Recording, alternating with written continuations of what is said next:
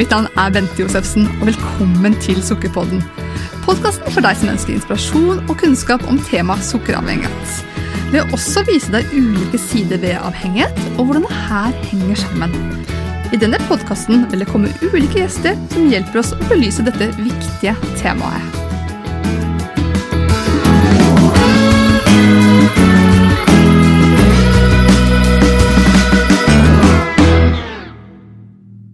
Med meg i dag så har jeg Veronica Hetland. Og Veronica er en dame jeg har hatt glede av å samarbeide med et, ja, et par års tid. Hun er altså Norges fremste tanketrener, i hvert fall på nett, eh, og har et mentalt treningssenter på nett. Et ganske unikt konsept. Velkommen hit til Sukkerpodden, Veronica. Jo, tusen takk. Veldig kjekt å få lov å komme. Ja, det har jeg virkelig sett frem til, for jeg vet at du har mye gull til lytterne i dag. Men først kan du få si litt. Hvem er du, Veronica? Jo, eh, først og fremst så kan jeg si jeg er 45 år, og jeg er gift. Faktisk så har jeg sølvbryllup om en måned, så det er 25 år. og så har jeg tre voksne barn på 20, 23 og 25 år. Ja. Og jeg er Jeg er jo, som du nevnte, en mental trener. Eh, og pusteveileder, forfatter, og havna egentlig inn på denne veien med at eh, jeg sjøl ble syk. Ja, nettopp. Mm -hmm. Det skal du få lov til å fortelle litt mer om. Men først så har jeg bare lyst til å fortelle lytterne litt hvorfor jeg har valgt å invitere deg til Sukkerpodden, Ronika. Ja. Det, det er nemlig slik at om man har sukkeravhengighet eller om man har en annen type avhengighet, for all avhengighet uh, henger til sammen, for de som har hørt flere episoder, eller eventuelt lest uh, boken min 'Sukkeravhengig', blitt frisk uten sukker, så er det nøye forklart der så er det slik at det, eh, alle mennesker som eh, har en avhengighet og som ønsker å komme seg ut av det og leve i det vi kaller et liv i tilfriskning altså, Selv om vi kan oppleve oss veldig stabile, så er vi veldig sårbare for stress. Det er en av de tingene vi faktisk må ha kontinuerlig fokus på. Og også pust, da, som er jo selvfølgelig en del av det hele, vet vi sånn helt konkret kan påvirke cravings etter det man har vært avhengig av. Om det er sukker eller om det er alkohol eller annet, så er faktisk pusten relevant her. Så alle vi på en måte hjelper og coacher de får mange mentale verktøy, og vi har snakket mye, vi kan mye om stresshåndtering og pust, men du er jo virkelig eksperten på det her. Så tenker at denne episoden her er tiltenkt å gi inspirasjon, kunnskap og kanskje noen konkrete verktøy som lytterne kan ta med seg etter denne episoden. Ja, så Det gleder jeg meg til. Så Da tenkte jeg, da kan du først få lov til å fortelle Veronica, litt om det her med som du sa, du opplevde selv å bli syk, og det var bakgrunnen for at du startet med tanketrening. For det har du, du har jo ikke alltid gjort det? Nei, og jeg skal ta en lang historie veldig kort. Eh, jeg var jo en av de flinke pikene som gjorde mye stress, da, som du nettopp nevnte. Og stress i kroppen over lang tid, det påvirker jo faktisk eh, alle organene våre. Vi blir syke av stress. Dette kan vi snakke om litt etterpå. Og jeg visste jo ikke hvor farlig stress var. Men det vet jeg nå. Og det endte en dag med at jeg eh, rett og slett ikke kunne gå ut av senga mi. Oi. Uh, og det ble uh, Jeg har egentlig alltid vært en Duracell-kanin, men det er vel gjerne sånn med oss flinke piker og er litt Duracell-kanin òg. Ja. Uh, og gjerne ikke alltid sier nei eller setter egne grenser. Det er ikke alltid like lett å si nei. Og skulle være god mor, og så skulle jeg være en god arbeider, så være god kone. og skulle vi holde kroppen i gang og alt dette her. Og så blir det for mye. Det blir liksom Det skal være perfekt på alle plan. Og for min del så ble det rett og slett en blodåre i min fing som sprakk, og så svartna det for meg. Oi. Og um, legen min hun, hun, sa at uh, det jeg kunne være glad for, det kunne like godt ha skjedd inni hodet. Mm. Og da var jeg jo helt i starten av 30 år, og da var det jeg som egentlig har et lavt blodtrykk, hadde da fått et veldig høyt blodtrykk. -hmm. Så dette påvirker jo, altså det stresset påvirker jo blodtrykket mitt i så stor grad. Ja. Så det ble egentlig en tre år eh, syke historie. Og der jeg lå mye i senga Og ikke visste jeg at det å ligge i senga og gjerne hvile, da, for jeg tenkte det var jo hvile, jeg fikk jo utmattelsessyndrom. Mm. Og at hvilingen skulle være det som ble bedre, men om du liker å hvile med negative tanker, så påvirker dette igjen følelsene og stressresponsen i kroppen. Så den hvilingen som jeg holdt på med, den eh, gjorde egentlig vondt verre. Ja. Men det visste jeg ikke da. Nei. Nei. Og det er jo litt interessant, for hjernen kan jo ikke skille mellom det vi tenker og det vi faktisk opplever. Så om en ligger og hviler og tenker på alt en bør gjøre og må gjøre, eller dårlig samvittighet, så for min del dårlig samvittighet for at jeg ikke klarte å følge opp ungene mine, at mannen min måtte ta så mye ansvar og de tingene der. Og den samvittigheten den skapte jo faktisk stress i kroppen min, mm. som påvirka helsa mi på en negativ måte. Ja, Men du hadde jo også en del andre ganske heftige fysiske, konkrete symptomer. Kan ikke du si noe om det, Veronica? Jo, eh, for det er jo sånn når stressresponsen får kjøre lenge i kroppen, så begynner han jo å skru av litt funksjoner. For det er jo en overlevelsesmekanisme som er egentlig superbra å ha hvis vi er i livsfare. Ja. Eh, og da, da, skrur han ned litt sånn funksjoner som vi ikke trenger akkurat der og da når vi liksom kjemper for livet. Hvis vi ligger ute i en elv og holder på å drukne, så er det viktigst Det varer jo ikke så lenge. Da er det viktig å ha musk muskelkraft og, og der du trenger det. Så da begynner jo kroppen å skru av litt funksjoner litt, litt. Så for min del så starta det jo med nattesøvnen. Og det er jo grunnleggende for alt vi skal gjøre. Ja. Og den eh, forsvinner, og så stopper fordøyelsen opp. Og etter hvert så eh, Dette eskalerte, og til slutt så kunne jeg ikke ta til meg mat. Den kom opp, og jeg mista hud, og jeg mista hår. Og jeg pleier å si det er litt sånn humor. Frisøren min er en venninne av meg, og hun det var nok bare hun som så dette med håravfall, for jeg har masse hår. Eh, men hadde jeg ikke hatt det, så hadde nok det vært veldig synlig. Nettopp med til og med hud, ja. Hm. Mm. Og, og, og kløe. Mye kløe i huden. Mm. Ja. Så, altså masse fysiske symptomer som jeg vet mange tenker at de skal finne ut av hva er, som faktisk kan komme rett og slett av stress det er egentlig en mental Den mentale og den fysiske det henger jo sammen, men det kan vi jo snakke litt om. Ja, ja, absolutt. Men var det slik at uh, både du og legen din forsto at dette var stressrelatert, eller mistet dere at det var noe annet sykdom i bildet? Jo, jeg ble jo utreda for egentlig alt som jeg kan. Eh, med, med, slanger her og der. og Eh, og det var vel egentlig den siste, når jeg skulle svelge slangen, at da tenkte jeg nå håper jeg at de finner en sånn, en sånn magebakterie, sånn at jeg kan få et svar, så jeg kunne få en sånn tablettkur og bli frisk. Ja, Men jeg har jo vært, jeg har vært alltid flink pike, da, så legen når jeg svelget slangen, eh, sa vel egentlig at eh, Oi, du har verdens fineste mage. Og, ja. Da begynner jo jeg å grine, og det burde jo egentlig være av glede. Men eh, det var jo ikke det, for jeg trengte så sårt et svar. Ja, det er klart. Mm. Og det, jeg var jo der at når jeg lå i senga mi og hørte hun eldste måtte mase på det minste at hun var rolig, for mamma er syk. Så husker jeg en gang hun sa at vi må alltid være stille, mamma er alltid syk.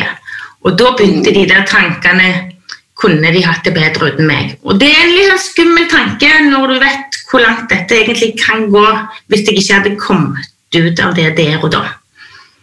Uff, Veronica. Ja, nei, jeg kan uh, gjenkjenne meg i det. Det er, det er tøft. Mm. Det er veldig tøft. Det belastning for barna sine og familien. Det mm. oh, ja. Men hva gjorde du da for å komme deg ut av det her? Ja, eh, jeg lå jo der i senga og jeg var egentlig veldig desperat. Jeg hadde jo gjort alt som norsk helsevesen hadde tilbudt meg av behandlinger og massasje og kiropraktor og alt det der. Og så eh, var det en gang jeg gikk til coaching, da, og da ble, fikk jeg en liten oppsving. Og så ble det bedre, og så ble meningen om at jeg skulle slutte der. Og så fikk jeg aldri noen eh, verktøy med meg hjem. Ikke noe som jeg skulle bruke sjøl. Så det gikk jo ikke så lang tid, så bare raste dette sammen igjen. Og så fikk jeg egentlig tilsendt en artikkel fra et ukeblad av ei venninne av meg som hadde vært i samme situasjon som meg, og hadde blitt frisk da, med et mentalt treningsprogram. Og jeg begynte å google og lese, og da slutta jeg jo ikke å lese. Jeg elsker å lære, og hvis det er noe som kan løse eh, de utfordringene jeg har, så er jeg veldig interessert i å, å finne ut hva det kan være.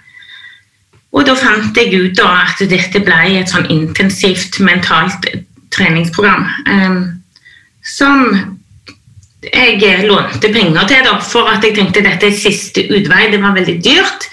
Men jeg kan ikke la noe være uprøvd når du har tre små barn. Og mm. jeg, det var liksom ikke noe liv. Eh, og det, det, var et treningsprogram, og jeg måtte jo gjøre treningen sjøl. Eh, og det var Skal ikke si at det var eh, veldig enkelt når du lærte Fikk egentlig lære litt at dette har du gjort mot deg sjøl. Og det er jo ikke gjerne det beste du kan høre når du er langt nede i kjelleren og trenger bare noen som gir deg en klapp på skulderen og sier at vi skal hjelpe deg opp. Ja. Men jeg fikk jo fort beskjed om at det, det, er jo kun en person som kan hjelpe deg opp igjen. Og det er deg sjøl. Ja. Og det var Og jeg er derfor er jeg utrolig glad for at jeg, dette, at jeg måtte låne penger. At dette var en barriere. altså Det var så kostbart for meg. fordi at jeg vågte jo ikke gjøre noe annet enn å gjøre det jeg lærte.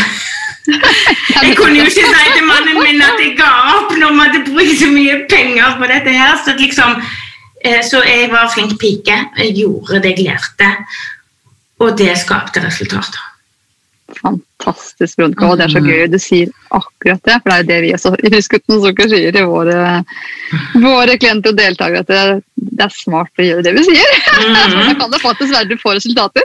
Og, og, ofte handler det jo om bare å, å tenke liksom, det at du skal gjøre noen endringer. hvis du skal du trenger ikke tenke at du skal gjøre det hele livet, men hvis du tenker du skal gjøre det en og en dag, at du skal gjøre det akkurat lenge nok til at du kan merke på kroppen din at det virker, for når du gjør det akkurat lenge nok til det, så lover jeg at du har lyst til å fortsette. Da, da kommer egenmotivasjonen. Definitivt. Og det er det her med å bryte ned til bare én dag, og det, det mantraet bruker vi også veldig mye. Bare, bare, for i dag kan du være villig til bare for i dag. Og så er det noe det å skape endringer, få altså, nye vaner, det tar, det tar, jo tid. Og jeg har selv et veldig banalt, men ferskt eksempel. For at det her med å bryte litt vaner kan gjøre at man er, liksom, klarer å åpne nye kanaler og bli mer endringsvillig også på andre områder i livet. Så jeg har liksom prøvd et sånn, egentlig gammelt triks, men uh, begynte for ca. tre uker siden å pusset hendene med venstrehånd, for jeg er høyrehendta. Og det tok meg i at i går kveld var første gang jeg automatisk tok tannbørsten i den venstre hånda. De andre har alltid som begynt på den, forresten var venstre. Men da begynte jeg, og så merker jeg at første dagen følte jeg meg kjempeklønete. ikke sant? Men nå begynner faktisk det Jeg er Aldeles ikke like flink som høyre, men jeg merker da at det, jo, det går bedre, faktisk. Så det er jo bare et helt banalt eksempel, men man må faktisk bare gjøre ting noen ganger. Ja, for, ja, for hjernen vår lærer jo gjennom repetisjon. Altså når vi Tenk når du lærer å gå, eh, og du, og du, reiser deg opp, og så faller du Og da har du alltid en stemme, en mamma eller en pappa, så uansett om du faller, så sier de 'så flink du er', opp igjen. Du får alltid den positive, selv om du, selv om du faller. Og så repeterer vi og repeterer til vi kan gå. Eller til vi kan sykle, eller disse tingene her, eller kan et nytt språk. Og det, Jeg har aldri hørt om noen som setter seg ned og sier at ja, men nei, det må gå, jeg falt så mange ganger, det var ikke for meg, så jeg sitter resten av livet. Mm. Og det å vite at det, eh, klart alle, Jeg vet jo at alle ikke kan gå, men om man kan gå, kan sykle eller kan lære seg nye språk, så har du en hjerne som kan lære nye ting, og du kan få nye vaner. Det er fint. Og det som er hyggelig å høre, Veronica, er jo at du fant en vei ut av det. Og så har jeg forstått at det var bakgrunnen da for at du begynte å studere og skape et eget konsept. Du kan si litt om det? Hva slags utdannelse du tok, og litt om mentaltreningen? Ja. eh, jeg, er jo fortsatt jeg er jo stadig på utdannelse. Jeg syns dette er veldig veldig spennende. Hvordan eh, hjernen vår fungerer, og hvor hele, hele kroppen fungerer. For, for, min egen del, når du er så syk og Jeg tok jo masse tabletter, sovetabletter, og så må den ene slår jo den andre i hæl ofte. Og det at jeg kunne hive syv tabletter på én dag, og det får en jo til å tenke hva, hvor magisk denne kroppen er, hvor mye du kan få til. Så jeg ble veldig interessert i hjernen, siden at det var den mentale treningen eh, jeg brukte. Eh, og utdanna meg da til NLP-coach og hypnoterapeut. og mindfulness-instruktør og enegramskurs. mange Alt egentlig de plassene jeg kunne lære noe kunnskap om eh, den mentale hendelsen og hvordan vi kan endre altså de inngrodde mønstrene vi har. Da. Eh, og så fortsetter reisen nå da når koronaen slo til. og jeg trengte selv påfølge og kjente jeg ville ha litt mer verktøy. Jeg begynte å se at forskningen forskning går hele veien framover. Og nevroforskere verden rundt begynte å snakke veldig mye om pust. Eh, og da vil jeg vite hvorfor det. Ja. ja. Eh, og jeg kan jo bruke en lørdagskveld med å se sånn forskningsprogram om hjernen, så jeg har vel gjerne blitt litt sånn hjernenerd eller om kropp og helse i seg sjøl. Sånn at det, og når du hele veien leser opp ny forskning og, og ser her er det nye spennende ting eh, For vi vil jo ofte ha en quick fix på ting. Okay. Eh, og særlig innen denne mentale treningen så er det mye stress i kroppen, så det er mer utfordrende å jobbe med mental trening enn om vi frigjør stress først. Så da ble veien min inn på dette med pust. Mm. Og jeg begynte med en pusteutdannelse og skulle egentlig stoppe med det. Men dette ble så fascinerende at jeg klarte jo ikke å stoppe. Så jeg tenkte nå må jeg, jeg må faktisk lære hva som skjer helt ned på mitokondrienivå i kroppen vår. Eh, så jeg eh, søkte opp noen av verdens beste og tok eh, tak i det. Og valgte å utdanne meg den veien. Og det I dag sitter jeg og tenker Guri malla, dette er jo, en, dette er jo kroppens medisin. Ja. Og det er jo egentlig tilgjengelig for oss alle. altså Vi puster ja. hele tiden. Så hvordan, hvordan forvalte denne pusten og bevisst er det. Mm.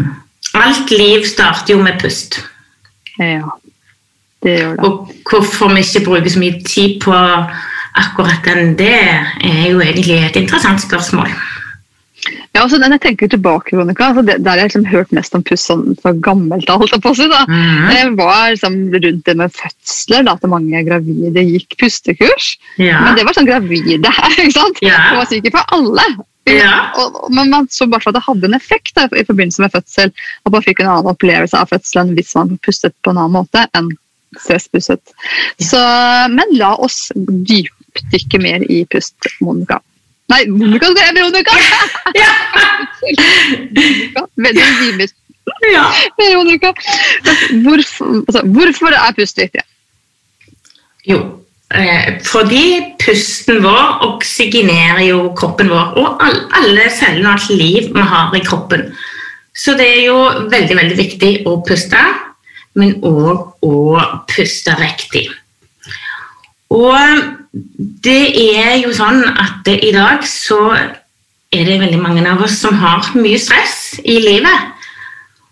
Og det med stress det handler jo egentlig veldig sjelden om ting vi skal gjøre som står i kalenderen. Men det handler om tanken gjerne rundt det vi skal gjøre, eller tanker om mye som skjer i livet. Frykt, utrygghet. I den tida vi lever i dag, så er det jo mye frykt, og det kan oppstå angst. Og for den saks skyld for det som du jobber med, og gjerne får beskjed om at du har en sukkeravhengighet liksom, eh, liksom, Tanken på å leve uten sukker, og det er jo med å skape masse følelser. Frustrasjonen, gjerne sinne, tar det ifra meg gleden, disse tankene her. som igjen da faktisk setter i gang denne stressresponsen. Og noen stopper jo å puste når de får høre at å kutte sukker Ja. Mm. Og så om jeg skal eh, starte med hva som er viktigst med pusten eller stresset, hva som skjer her eh, Pusten eh, Når vi er stille og rolige og har det veldig greit, så helt automatisk så puster vi veldig rolig. Og du kan tenke at livet starter med en innpust, og så når vi avslutter livet, så er det ofte en lang utpust. Ja. Og det med at, at, du puster liv når du puster inn, men når du tenker at du puster ut når livet er slutt, eh, så skal du jo egentlig da gå til evig hvile. Mm. Eh, og det utpusten eh, er, er veldig ofte glemt. Og det er den som er den viktige i forhold til eh, både oksygen i blodet, men òg dette her stressresponsen i kroppen vår. Mm. Så det er sånn at eh, veldig, Det har vært et ordtak som sier at hvis vi begynner å spise mindre, så får vi bedre helse. Og det er faktisk sånn at hvis vi puster mindre, så vil vi òg få ei bedre helse. Og det kan virke veldig rart, for vi sier at vi trenger oksygen til cellene. hele kroppen vår trenger oksygen. Og da tenker en kanskje ja, men da må en jo puste masse. Ja.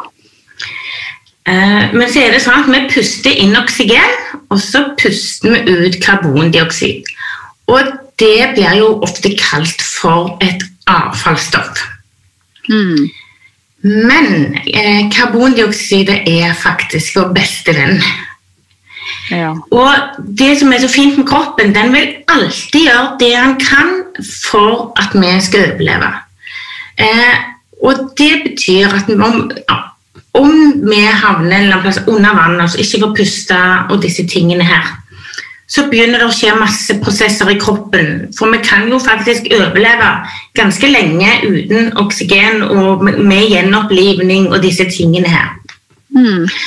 Eh, og det som eh, Det jeg sier med at vi skal puste mindre eh, For når vi eh, ikke får puste, så holder pusten så lenge at vi får trang til å puste. Det handler ikke om at vi trenger oksygen. Mm Det handler om at eh, karbondioksiden bygger seg opp i kroppen. Altså vi får behov for å kvitte oss med dette avfallsstoffet. Ja. Og, og, det gjør vi jo veldig ofte. Sant? Og når vi stresser, sammen stresspust. Vi puster gjerne eh, veldig mye ut, for vi skal kvitte oss med dette avfallsstoffet. Men dette karbondioksidet har en veldig viktig funksjon. Fordi når vi puster eh, og faktisk er det ganske viktig å trene på det å puste med nesen. Mm. Eh, og det skal ikke gå sånn dypt inn i det, men det handler jo der òg om, om, prosesser som skjer, og at eh, lungene da får tilgang til mer oksygen. Så du kan oksygenere Eh, blodet ditt 10-15 mer med å puste inn med nesen. Så der, Vi sier jo at eh, nesen er til å puste med, og munnen er til å spise med. Ja, og dette er ganske interessant.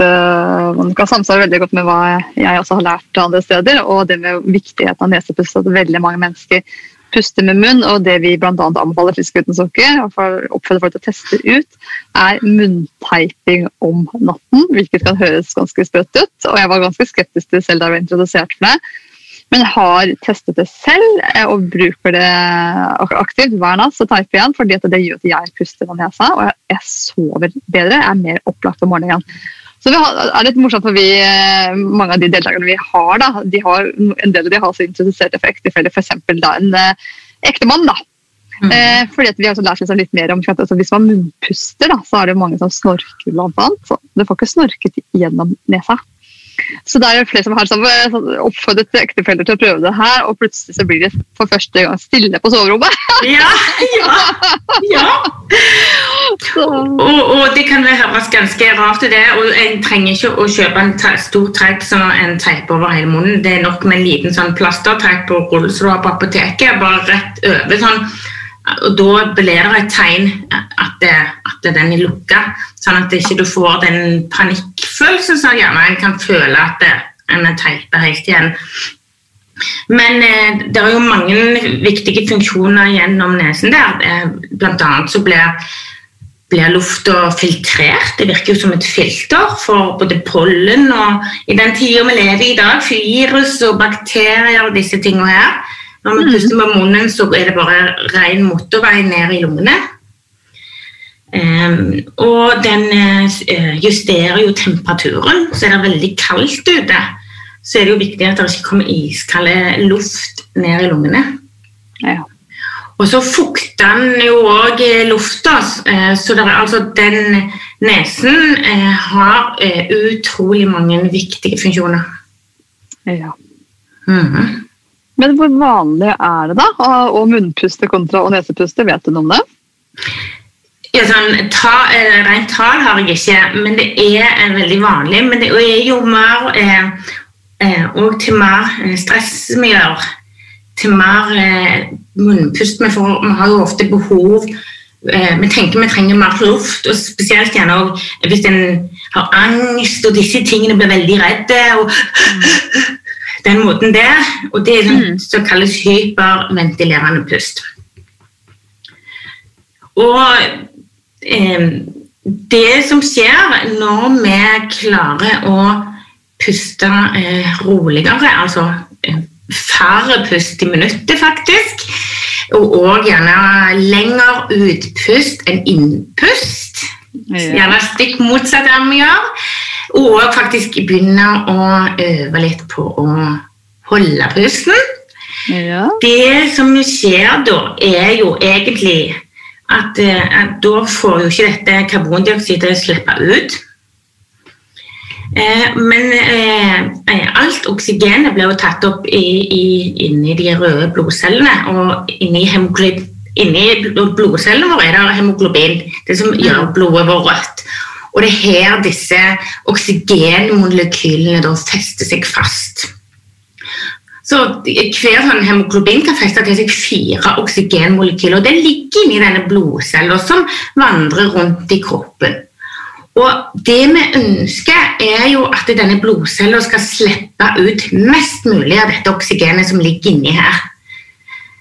Eh, og det er sånn at det, Når vi får høyere nivå av karbondioksid i kroppen, eh, så vil også pH-en eh, i blodet vårt bli bitte, bitte litt surere. Og disse blodcellene de begynner å slippe mer eh, oksygen i surere miljø. Ja. Så til høyere karbondioksidnivå vi får i kroppen, til mer begynner disse blodcellene og slippe ut oksygen. Som igjen da går til hjernen og alle organene som har i kroppen vår. Og Det som er ekstra spennende å tenke litt på eh, de toppidrettsutøverne som vi har, de driver gjerne med noe som heter høydetrening. Ja, for det kan man faktisk tenke på. Mm. Ja, og det er jo egentlig eh, eh, Da trener de jo eh, i et eh, i et rom med mindre oksygen enn normalt. At de får mindre oksygen mens de trener. Ja.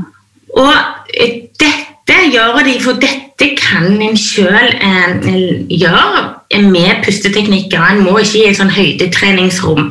Eh, dette kan òg læres med pustetrening. Men grunnen til at de gjør dette her, er jo at de Eh, det, det, er jo noe som heter bloddoping i idretten. Og det ja. som skjer da, er at du får eh, innført eh, et hormon som heter EPO. Mm. For at, at det, det, stimulerer da produksjonen av røde blodceller, så den får enda mer, sånn at kan få mer, enda mer oksygen. Men dette er noe som kroppen vår egentlig produserer sjøl. Ja. Så eh, er vi for høyere nivåer av karbondioksid, altså når disse trenerne trener der det er lite oksygen, eh, så vil de jo få høyere nivå av karbondioksid i kroppen sin. Ja. Og da eh, vil nyrene begynne å produsere dette her sjøl. Mm. Eh, noe som gjør at eh, beinmargen vår begynner å produsere mer røde blodceller. Og milten lagrer jo disse, så den også begynner å frigjøre. Og dette handler om egentlig en, dette er jo en overlevelsesstrategi for kroppen. For han tror han jo er i nød. Så begynner han jo å slippe ut oksygen og produsere mer, sånn at han skal holde oss eh, i live lengst mulig. Ja. Så alle cellene i kroppen og hjernen og alt eh, vil få mer oksygen eh, når vi lærer å bruke pusten på rett måte. Det, altså det påvirker jo alle våre indre organer og altså blodet vårt, cellene våre og mitokondriene. ja. Så det sier at man kan faktisk puste seg friskere da? Ja, det stemmer. Ja. Og for det er jo Tenk deg det at du Om du nå begynner å eh, puste veldig raskt, altså helt bevisst, det kan du jo du styre. Da kan du øke pulsen din altså mens du sitter der. Så da kan jo du øke altså hjertet. Det, hvordan hjertet Du påvirker jo hjertet direkte kun med pusten, og det gjør vi jo alle når vi justerer pusten. Så pusten er jo en del av eh, altså det autonome nervesystemet vårt. Pleier av og til å kalle det det automatiske nervesystemet, for her er alle de her funksjonene som går automatisk i kroppen vår. Og annet der er hjerte, lunger, nyrer, mildt, fordøyelse. Alle disse organene er under her. Og disse fungerer jo på automatikk. Vi styrer jo ikke at nå skal nyra gjøre det, og leveren gjøre det. Eh, og pusten vår går jo på automatikk når vi sover. ja. Eh, men det som er så fascinerende med pusten, det er den eneste eh, automatiske funksjonen da, i det autonome nervesystemet vi har, som vi kan gå inn og styre. Det er litt fascinerende. Ja. Ja. Og med at vi styrer den, så påvirker vi alle de indre organene òg, som vi tror vi ikke kan styre. Det har Ja. en påvirkning på dette. Mm. Fordi at em, vi har noe som heter eh, vagusnerven. Når jeg begynte å utdanne meg innen pust, så eh, ble det veldig fascinerende. For jeg snakket med mennesker som aldri har hørt om vagusnerven. Og for så vidt hadde ikke jeg heller det, men det er jo en utrolig viktig nerve. Og den blir også kalt for den vandrende nerven. Og det er fordi at den vandrer gjennom eh, hele kroppen vår. altså starter eh, oppe i ti, den tiende kranienerven, så går han ned gjennom kroppen. Så er han kobla til da, hjerte, lunge, nyre, milten, lever og alle organene ned igjennom. Han har kontakt. Han snakker med alle disse, da. Ja. Og via å, å lære seg å aktivere den, altså med, med de rette pusteteknikkene, så kan du aktivere denne vagusnerven. Og da eh, påvirke alle disse organene. Eh, og blant annet da eh, De fleste har jo hørt om fight or flight-funksjonen, som er denne stressresponsen som vi har. Absolutt. Og det er det, det, det som kalles det sympatiske nervesystemet. Og så har vi den andre, som er den som vi gjerne søker etter, og den kalles for rest and digest. Og i det ordet, det betyr jo hvile og fordøyelse. Mm. Eh, og det, det er det parasympatiske nervesystemet. Og hos eh, oss mennesker i denne verden vi lever i i dag Verdens helseorganisasjon har jo gått ut og sagt at stress er en av de største helsetrusler vi har. Og de mener jo at over 95% av all sykdom starter med en aktiv stressrespons. Men det er jo ikke så rart når vi vet at den er kobla til alle våre organer. Nei, det er sant. Godt poeng, Veronica. Ja. Eh, og så, er det jo sånn at eh, eh, veldig mange i dag, faktisk forbausende mange, og det jo, gjelder jo ikke lenger bare voksne, men det er unge og det er barn, og den verden med sosiale medier og sammenligning hvor enkelt det er for de unge å gjerne ikke føle seg gode nok. På en måte da, For det er så mye å sammenligne seg med. Det òg er jo virkelig grobunn til stress. Og stresset, det er jo en supergod venn som vi egentlig Jeg liker å snakke egentlig om stress som en god venn. For jeg liker å snu alt på hodet, for da tenker jeg ofte folk eh, husker gjerne det de lærer, når alt blir snudd litt på hodet av det de har tenkt. Ja, det er alltid interessant. ja, for, for, stress er, er jo òg kroppen sin eh, Jeg pleier å si at det er kroppen sin livvakt. Mm. Eh, for å passe på at vi har det bra. Og hvis vi er i livsfare, så trenger vi alt det som skjer i kroppen. Og helt kort så kan jeg si når den blir aktiv, så er det jo hjernen da som gir beskjed. Hei, nå er du i livsfare. Nå må alle, alle må handle. Nå må dere gjøre noe, herrene, sånn at jeg ikke mm. dør. Ja. Og da får binyrene beskjed om at det er livsfare, så de begynner å produsere Hormoner som kan også være til nytte, men de blir kalt for stresshormoner, som er kortisol, adrenalin og noradrenalin. Og dette kortisolet, da det, det skjer jo en kjedereaksjon i kroppen vår når dette skjer. Eh, så dette, altså Alle organene begynner jo plutselig å snakke med hverandre. Ja. Og dette går jo over videre til leveren, som Å, Guri malla, jeg er i livsfare. Jeg trenger faktisk å gi alle musklene i kroppen min, de store i armer og bein, ekstra næring nå, for de skal jo ut og kjempe for liv eller summe hvis de holder på å drukne. De må få næring. Mm. Så det leveren starter med, jo rett og slett å øke produksjonen av glukose, eller sukker. Ja. Som kan være ganske interessant for ei dame som jobber med frisk uten sukker. Absolutt. Ja. Eh, og dette igjen eh, øker blodsukkeret. Ja. Eh, og eh, det skjer mye med adrenalinet som går i blodet, så eh, dette sukkeret igjen går jo ut til skal jo gå ut til armer og bein, sånn at du skal få kraft til å kjempe for livet og blod, eh, hjertet ditt begynner å banke raskere, så dette kan få sendt rundt. Så pulsen øker, blodtrykket øker. Sant? Så dette kan jo føre til mye. Men det er jo sånn da, og at om du ikke bruker dette sukkeret for at du faktisk ikke er i livsfare, så kan dette jo utvikle seg til diabetes 2. Eh, og eh, dette sukkeret lagres som fett inne i kroppen. Så veldig mange som jobber med vekten men har mye stress i kroppen eh, og ikke skjønner gjerne hva, hvorfor vi ikke går ned i vekt. Mm. må gjerne se litt på hva, hvor mye kortisol en har i kroppen. En, en, trenger egentlig ikke måle for å vite det, for en vet veldig ofte om man har stress i livet sitt eller ikke. Men det, det går òg an å måle altså Dette kan òg måles med blodprøver. Det kan det. Absolutt. Eh, og så er det jo sånn da at eh, kroppen er så fin når du eh, ligger der og kjemper for livet ditt i det der kalde vannet, så tenker han at fordøyelse trenger du jo ikke. Så han stopper litt igjen den. Mm. Og så tenker han at eh, virus og bakterier det har vi ikke tid til å tenke på nå, for det, må, først må vi holde deg i live.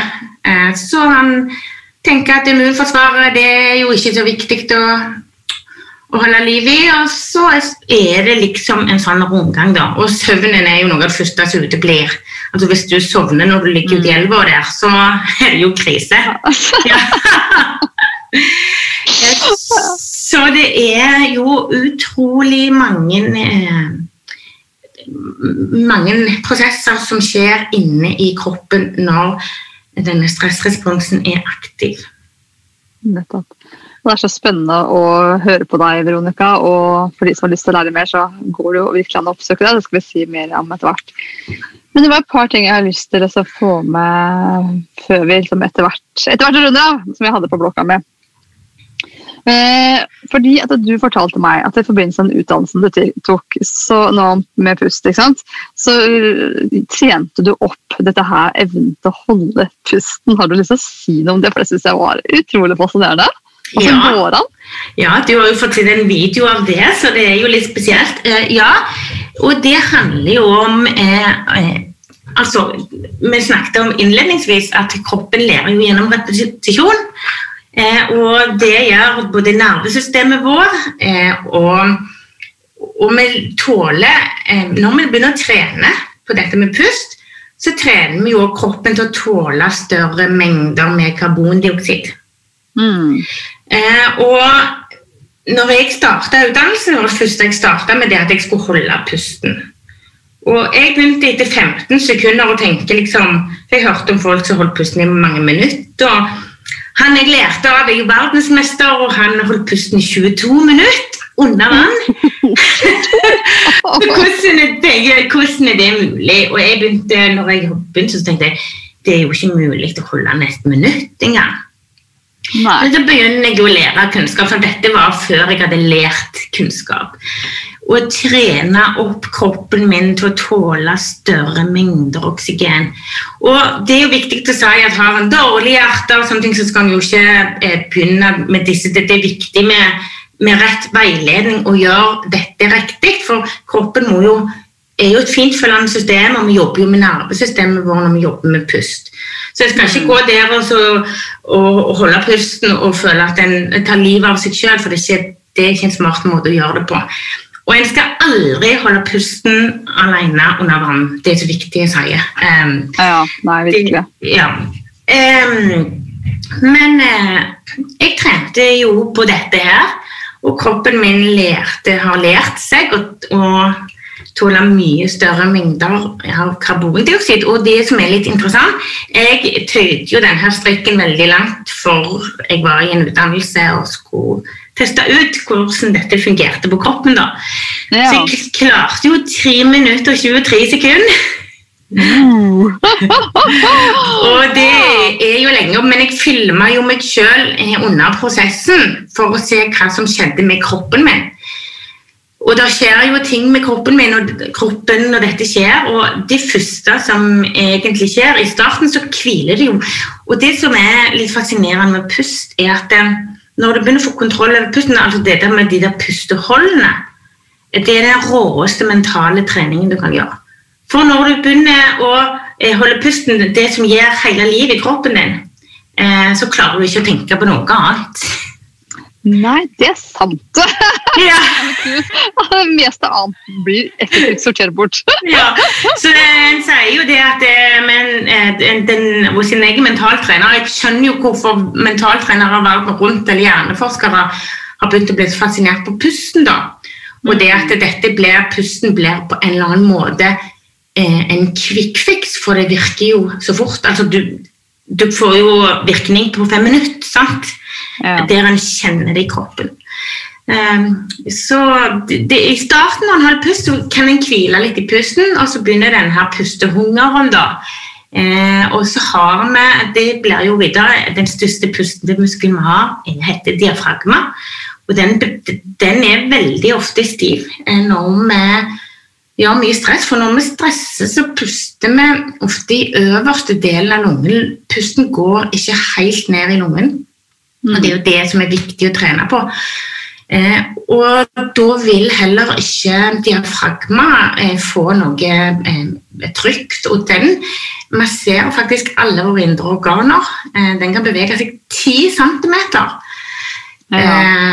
og når en holder pusten så lenge som jeg gjør når karbondioksidet blir for høyt, så begynner den å bevege seg. Han begynner å riste. Så hele magen min eh, begynte alt begynte å riste, og det var ingen kontroll. Det var, og hele kroppen min lå og rista. Og nivået Og det kalles for en samba på pustespråk. At kroppen, vi danser litt samba, og jeg vil absolutt ikke at noen skal begynne å teste dette her. Eh, for det er sånn hardcore training, altså pustetrening, men det er liksom hva en kan jobbe med. og dette er veldig sånn som idrettsutøvere som går på høydehus, kan jobbe med. Eh, altså, for dette er jo samme effekt. Men siste Det som er fascinerende, at når du kom over eh, et punkt der du holdt pusten, så virker det som det begynte å roe seg. og en lå bare og fulgte den bølgen i kroppen, og hele verden var utestengt. Og jeg var i en verden for meg sjøl. Og egentlig så kunne jeg bare vært på en måte der da. Eh, men det neste steget er jo en blackout, at du besvimer, da. Ja. Eh, og sant, da våkner du til liv igjen, for du vil jo automatisk begynne å puste. Sant? Pusten er jo en automatisk funksjon. Ja, eh, heldigvis. Men når en gjør dette, det er det som skjer når en holder pusten for lenge under vann er en alene da, så, så drukner en jo. Det er klart. Eh, mm. Men eh, dette, dette, er mer sånn, sånn rå trening som man kan bruke til, til andre typer ting, da. Men eh, de som har mye stress i kroppen, så er jo ikke det en anbefalt måte å begynne å trene pust på. For det når en får så store puste, når det skjer så mye i kroppen, så er det utmattende for systemet. Dette er jo ting som må trenes på over lang tid.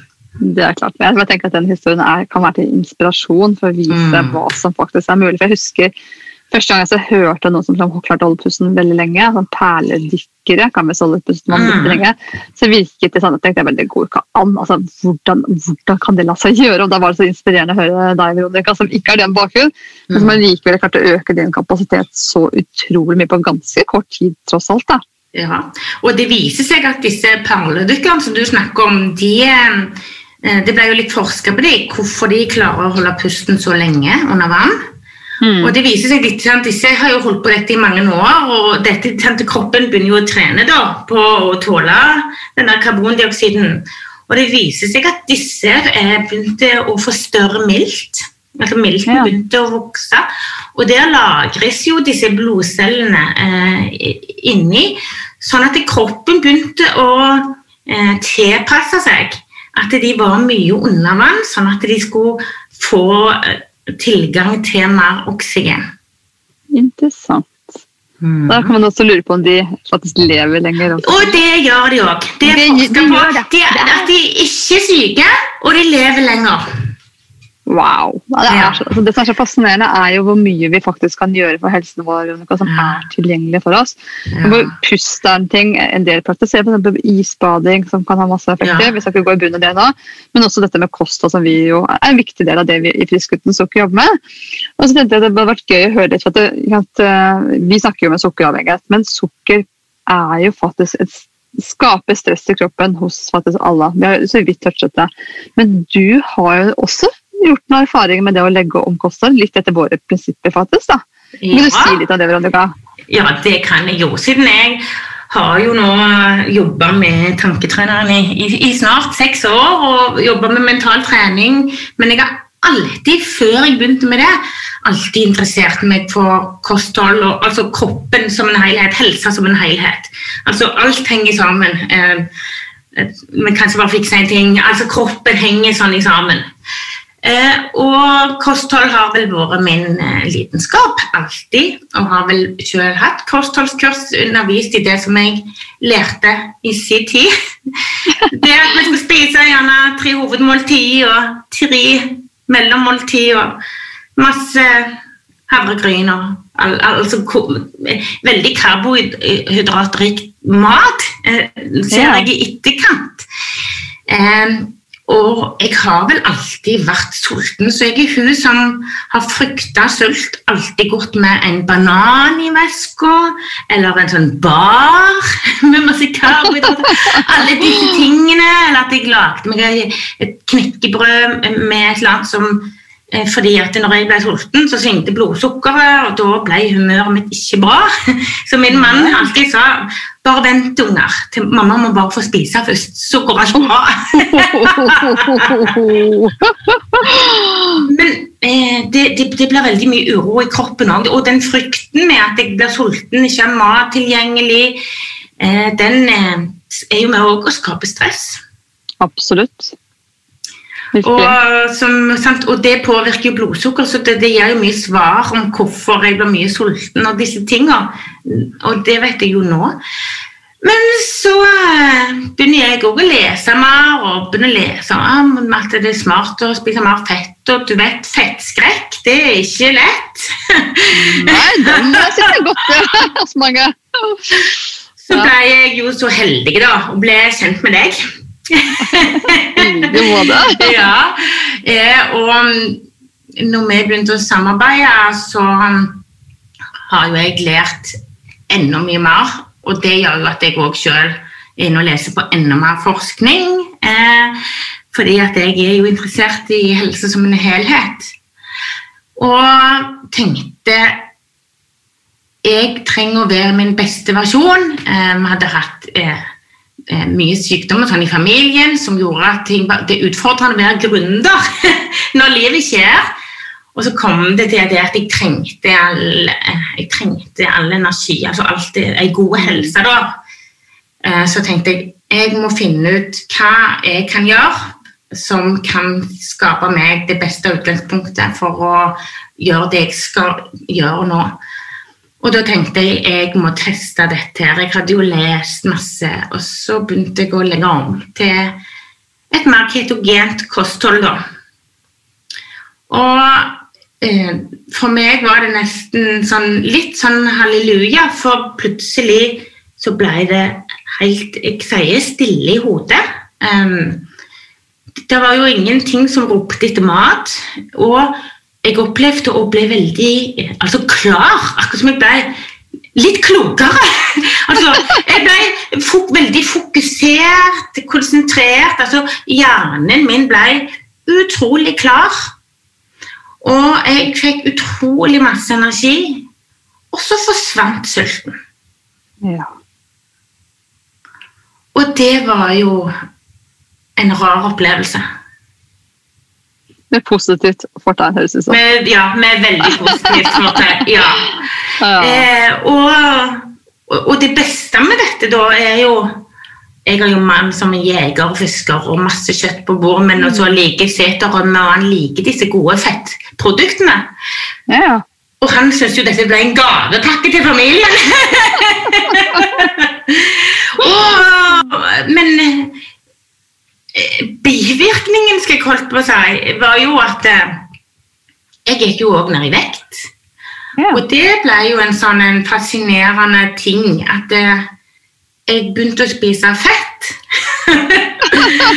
og så eh, gikk jeg ned i vekt. Det, det, var liksom Og det er er litt å snu ting på hodet. Eh, og, og, da begynte jeg jo å altså Da må du lese enda mer hva som faktisk skjer i kroppen og med hele systemet.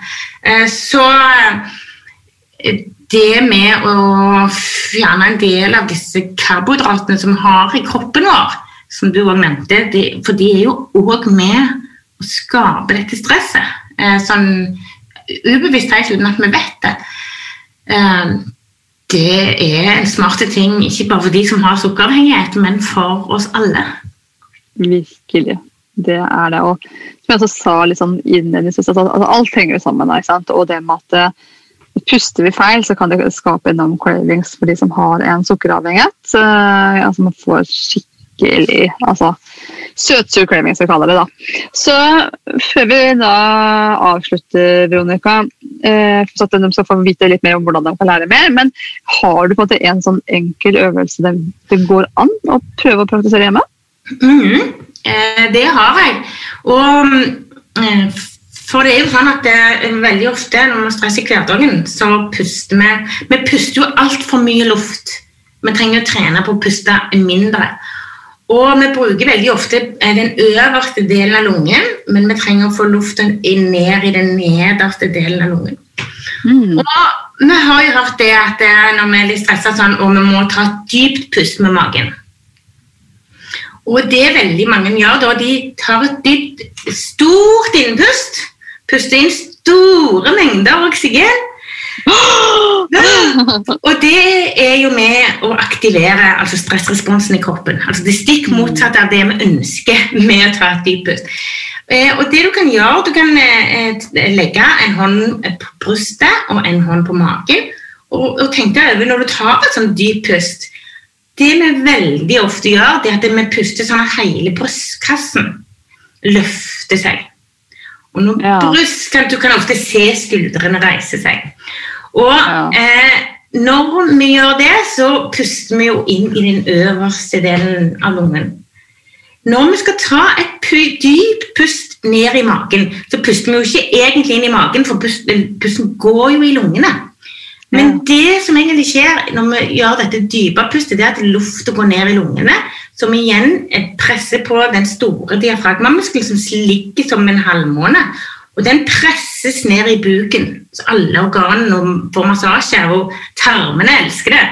Og da vil, da vil når, når, alle tarmene i kroppen, alle organene i kroppen får, blir pressa, så vil jo magen vokse og bli stor. Mm -hmm. Eh, og det er det dype pustet i magen, at magen skal blåse seg opp. Så det er ikke lufta der nede som blåser seg opp, men det er organene. Så det du kan trene på, er rett og slett å ha en hånd på brystet en på magen. Og lukk gjerne øynene sånn at du følger litt pusten. Og puste inn et godt pust uten at brystet reiser seg. Og da gjennom nesa. Og gjennom nesa. Ja. Helt riktig. Gjennom pusten, eh, nesen er og puste med, og munnen til å ete med. Så det er en viktig. Og så, når du da skal puste ut, så kan du tenke at utpusten skal være dobbelt så lang som innpusten. Mm. Så du kan f.eks. puste inn mens du teller til fire, og så kan du puste ut mens du teller til åtte. Eller så kan det være tre, seks eller fem og ti, alt etter hvor, hvor, du er i forhold til hvor mye karbondioksid du tåler, f.eks. Nettopp. Mm. Mm. Interessant, eh, Veronica.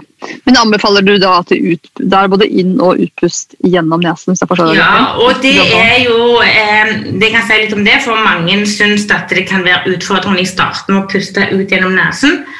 Og da kan en heller begynne å trene på å puste ut at en siler lufta. Da kan du bruke tunga og lage en liten sånn S-lyd, eller at du bremser pusten på en måte. Mm. Eh, og bare passe på at du kontrollerer lufta sakte, men sikkert.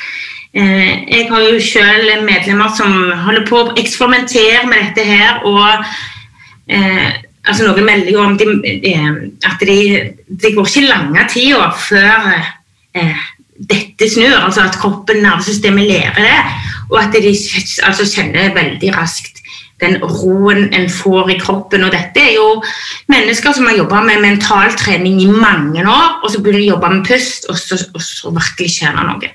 Ja. Og så Kjekt å få at noen har hevet masse medisiner og betablokkere. og Veldig, veldig kjekt, altså. Ja, Det er så fantastisk å høre, Veronica. Jeg tenker Vi kunne egentlig holdt på timevis. Ja, vi heller skal tenke at De som har lyst til å lære mer, hvor kan de finne deg, Veronica? Ja, jeg har jo en nettside som er www.tanketreneren.no. Og så er jeg på Instagram og på Facebook, og det er veldig der deler jeg jo masse. Og det er på krøllalfa tanketreneren. Så finner du meg på sosiale medier. Nettopp, ja. Og du har jo, som sagt, Vi nevnte også innledningsvis at du har jo gitt ut en uh, bok. ikke sant? 'Tenk deg et bedre liv', så den får man vel egentlig overalt? Tror man ikke? Jo, den er inne er på Instagram. Det som heter så flott bio, det er jo framsida ja. vår. det. Ikke alle vet hva bio er. Eh, der finner en link, og der ligger òg link til nettsida, til boka og til et helt nytt et gratis pussekurs som jeg nettopp har lagd. Oh, fantastisk, Veronica. Ja. Men da er det bare å gå inn, finn tanketreneren og til og med få gratiskurs. Og så anbefaler jeg å følge deg, Veronica, for du kommer med så mange gode tips. Dette her er du virkelig god på. Og jeg har lært så mye av deg. Så kjekt. Ja, det er jo, det er jo fremtidens medisin. Og det er jo veldig kjekt at nå eh, på det studiet jeg tok nå, så var vi 25 stykker verden rundt. Og eh, de, det er stor del av de som var med, var da utdanna De var leger, da. Og noen jobbet jo helt i fronten for, i covid. Eh, og, de, og parametikere som hadde jobba med dette i mange år òg, som var inne som gjesteforelesere. Og hvordan de hadde slutta å bruke eh, medisiner når de kom ut i farlige altså i sånn ulykker der det var mye panikkangst. Sånn, bare jobbe med pusten. Eh, og hvordan Hun ene som jobba med dette lenge nå, hadde faktisk en litt sterk historie. Hun eh, var på sykehus, og jobba som sykepleier, eh, og så fikk hun beskjed om at hun måtte gi pasienten Eh, morfin og beroligende, for det viste jo at gjerne dette for hadde gjerne litt angst i forhold Pusten. Kunne ikke gjøre eh, snakke helt skikkelig. Men hun hadde jo utdanna seg innen pust og tenkte at det må jo være en annen måte å gjøre dette på. Ja. Så hun klarte å veilede han stille og rolig, bare fortelle han at jeg leser på alle, alle apparater at det er mer enn nok oksygen i blodet ditt. Så det, nå jeg, vil jeg hjelpe deg til å få transportert dette oksygenet rundt alle cellene dine og alt som trenger det, for oksygenet er nok av. Og det um, gjorde de på et ganske kort øyeblikk. Ja. Så ved vaktskiftet så spurte legen hva, hvor stor dose morfin hun hadde gitt, fordi det virka så veldig bra. Men det var ikke bare at det virka så fort, men det virka jo så lenge. så sa hun det at hun ikke hadde gitt henne noe Hun hadde ikke gitt henne noe, men hun hadde pusta. Eh, det endte jo med da at hun eh, ikke kunne jobbe der mer, for at hun har gjort det som legen sa. Å oh, nei! Jeg har gjort noe så farlig som å ja. ja, Men det kjekke er nå at hun eh, har da fått Ja, hun skal undervise i Dette er ikke i Norge, da, men medisinstudenter nå i pust. Det har kommet litt, litt lenger enn andre plasser enn i Norge. da, Hvordan de kan ja. bruke pust. Så det er veldig veldig kjekt å høre på henne og jobbe mye på sykehus hva hun har gjort med etter hun begynte å jobbe med pust. Med veldig syke pasienter, egentlig. Som kan ja. hjelpe begynne og kroppen å hele seg sjøl. Mm. Hvis du har lyst på mer inspirasjon, så kan jeg på det varmeste anbefale min bok 'Sukkeravhengig bli frisk uten sukker'. Boken får du overalt hvor man selger bøker, men jeg kan bl.a. anbefale ark.no no.